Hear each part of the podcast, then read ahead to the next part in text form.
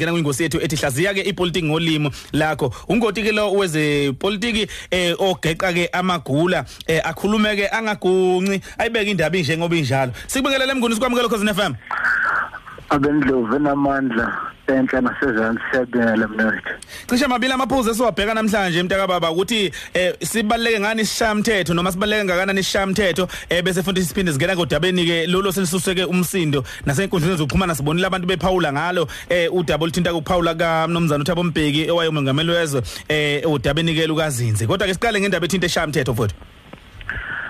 Isishamthetho ngikhuluma ngaso nje ngoba ngibona ngathi khona iphutha elenzakala. Abantu bacabanga ukuthi omama nobaba bafuthi nodadewethu laba bakusishamthetho. Uma ngikhuluma ngesishamthetho ngikhuluma ngesesifundazwe sibonele kwaZulu Natal eGauteng njalo njalo. Uma ngikhuluma ngesishamthetho ngikhuluma ngamalungu lawa eParliament angabona ongqongqoshe. Kodwa ke ngiyafisa ukuthi ngigcwele kakhulu kulawo ezifundazwe kulawo ezifundazwe kukhona into engeyinhle eyenzakalayo okufuneke siyilungise njengezakhamuzi bayilungise futhi nabo abahlonishwa. Ngasohlangothini lwethu njengezakhamuzi kumqoka ukuqonda ukuthi isishamthetho sibekelwe thina. Isishamthetho njengoba zisho igama bashaya umthetho kodwa lo mthetho kufuneka bawushaye noma ufuna bayishaye kufuneka kube imithetho thina njengezakhamuzi esibe ingxenye yaso.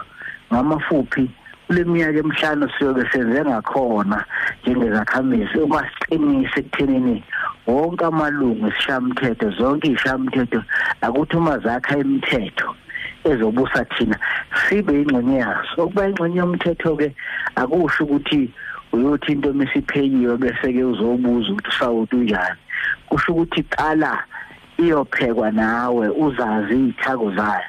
Ngiye ngibone lapha sekukhishwa emaphephandabeni sekuthiwa isishamthetho sithi woza kuliphi ihholo. Uthi uma usufika kuleli hholo kuthiwa kuzokhulunywa umthetho umthetho sevenje uthole sekuqedile sekuqedile ubungabanga ingxenye yayo wena ungewuzwanga. Khona ukuba ingxenye ngobuzwa ukuthi ukhona ukuzilungisela njengelungu lomphakathi ukhona ukuba ingxenye ukuthi ubhale ukuthi ububona ukuthi wena akube kanjani nokuba ingxenye ukuthi kuphawule emaholo eh okwenzakalayo kugcina sekuthiwa into asiyikhuluma isiphekiwe akuyona ukushaya umthetho lowo noma ukwelusa ukushaya komthetho ngoba umsebenzi wethu njengezakhamizi iseluse ukushaya komthetho ezobusa thina. Kumqoka ukuthi kule minyaka emihlanu ake sishintshe ukwenza ake sibe ingxenye yokushaya komthetho esobusayo okwesibili amalungu esishamthetho nawo kumqoka ukuthi aziqonde ukuthi angobani namandla anawo.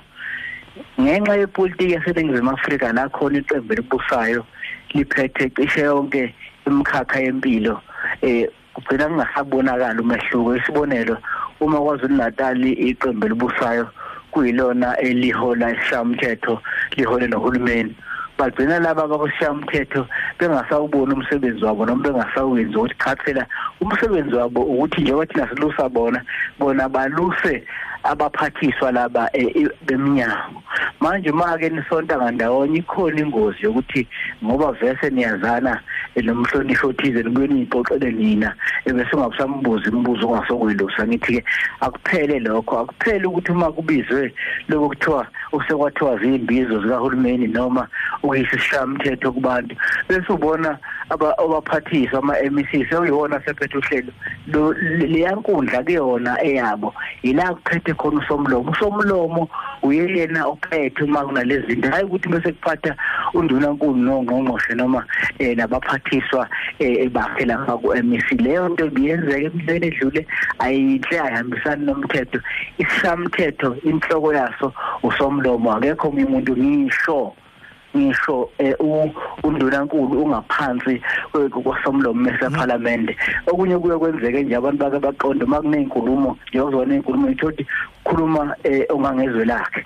Sekuyaba sekusukuma upremier uyomphendula noma aphendule inkulumo noma akithi nje ananele.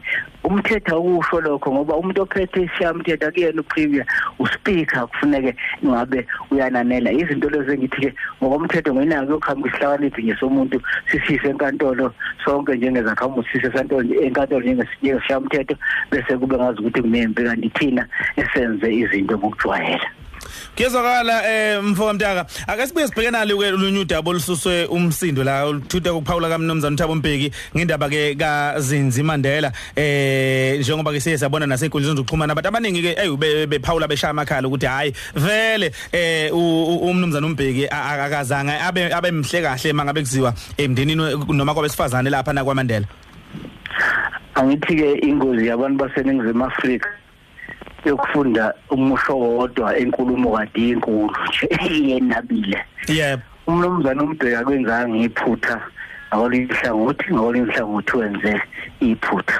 Hmm. ake siqale la engenzanga khona iphutha njengesakhamuzi umbheki unelungelo lokuphawula ngezinto ezenzeka ezweni lakhe ayisakhamuzi kulo.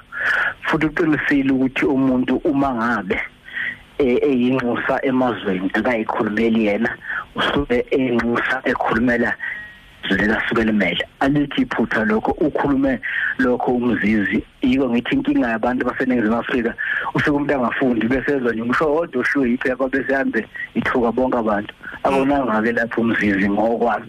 Kodwa lapha one khona yilokho kuhlala njalo eyininda eh evumela abamaphephandaba evumela nabantu ukuthi bamkhulumise izinto ongathi noma ngabe akayikhulumanga bengeke kushintshe ngisho intengo yesinkwa ngamafuphi lokukhuluma nje akukhulumayo.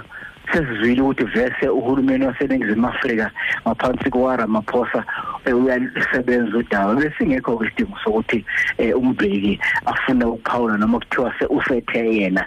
Yiko ngithi naye ubuye aqhomondele ngezathu ke zakhe zokuthi uyafisa ukuyibona kukhulunywa ngayo futhi ethathwa njengengqwele yawo komunye umuntu. Kodwa ngakulolu hlangothi lelo lunye lokuthi uthi inxusa afuneka lenze njani? Hayi akonanga uthina ke bantu. Ngicabanga ukuthi ake sikhulumeni emapolitiki angempela. Mhm. Sesikhona isikhathi sokuthi nathi sinezakhamuzi singadlali osopolitiki namaphephandaba. Uyabona nje le nto? Njengoba isizwe yangena emndenini yasuka kunqubomgomo umbheki bekhuluma ngenqubomgomo.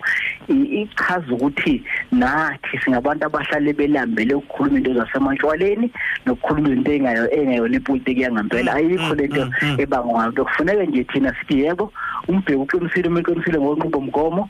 Okwesibili kodwa ke akake abonika phela njengoba ngihlale ngisho akufunda ukunika abaphethe ithuba lokuthi baphathe ngoba lento ukuthi njalo ade igambukela imehlo isithunzi kodwa nje le ukuthi ke sesiyongena sithi akabathanda kaMandela into nje inkulumo zasematshwaleni leso. Ake sikhulumeni ipolitiki yangempela eningizimu Afrika siye ukuthi njalo into ithi iyinqubo mgomo into ithi ipolitiki yangempela bese singena nje ukukhulumeni udaka ake siyeke leyo nto ngoba kudla itshengisa ukuthi njengama-Afrika asiyibuki ipolitiki yangempela sifuna ukukhuluma into zasematshwaleni. Ngone uqedile ungathwala mfowethu ukuze kube umsombuluko zawo siyabonga. Siyabonga. Einkundla zokuxhumana nama sesiphetha nje sikulandela kanjani? Ethi mhlambe mntaka sizoqhubeka lolu daba likamzizi ngoba ngiyafisa abantu balibukisise ngoba njengoba ngisho nje ukuthi into yasematshwaleni lesiyiphawula noma ku Facebook eh baye baye the news. Siyabonga.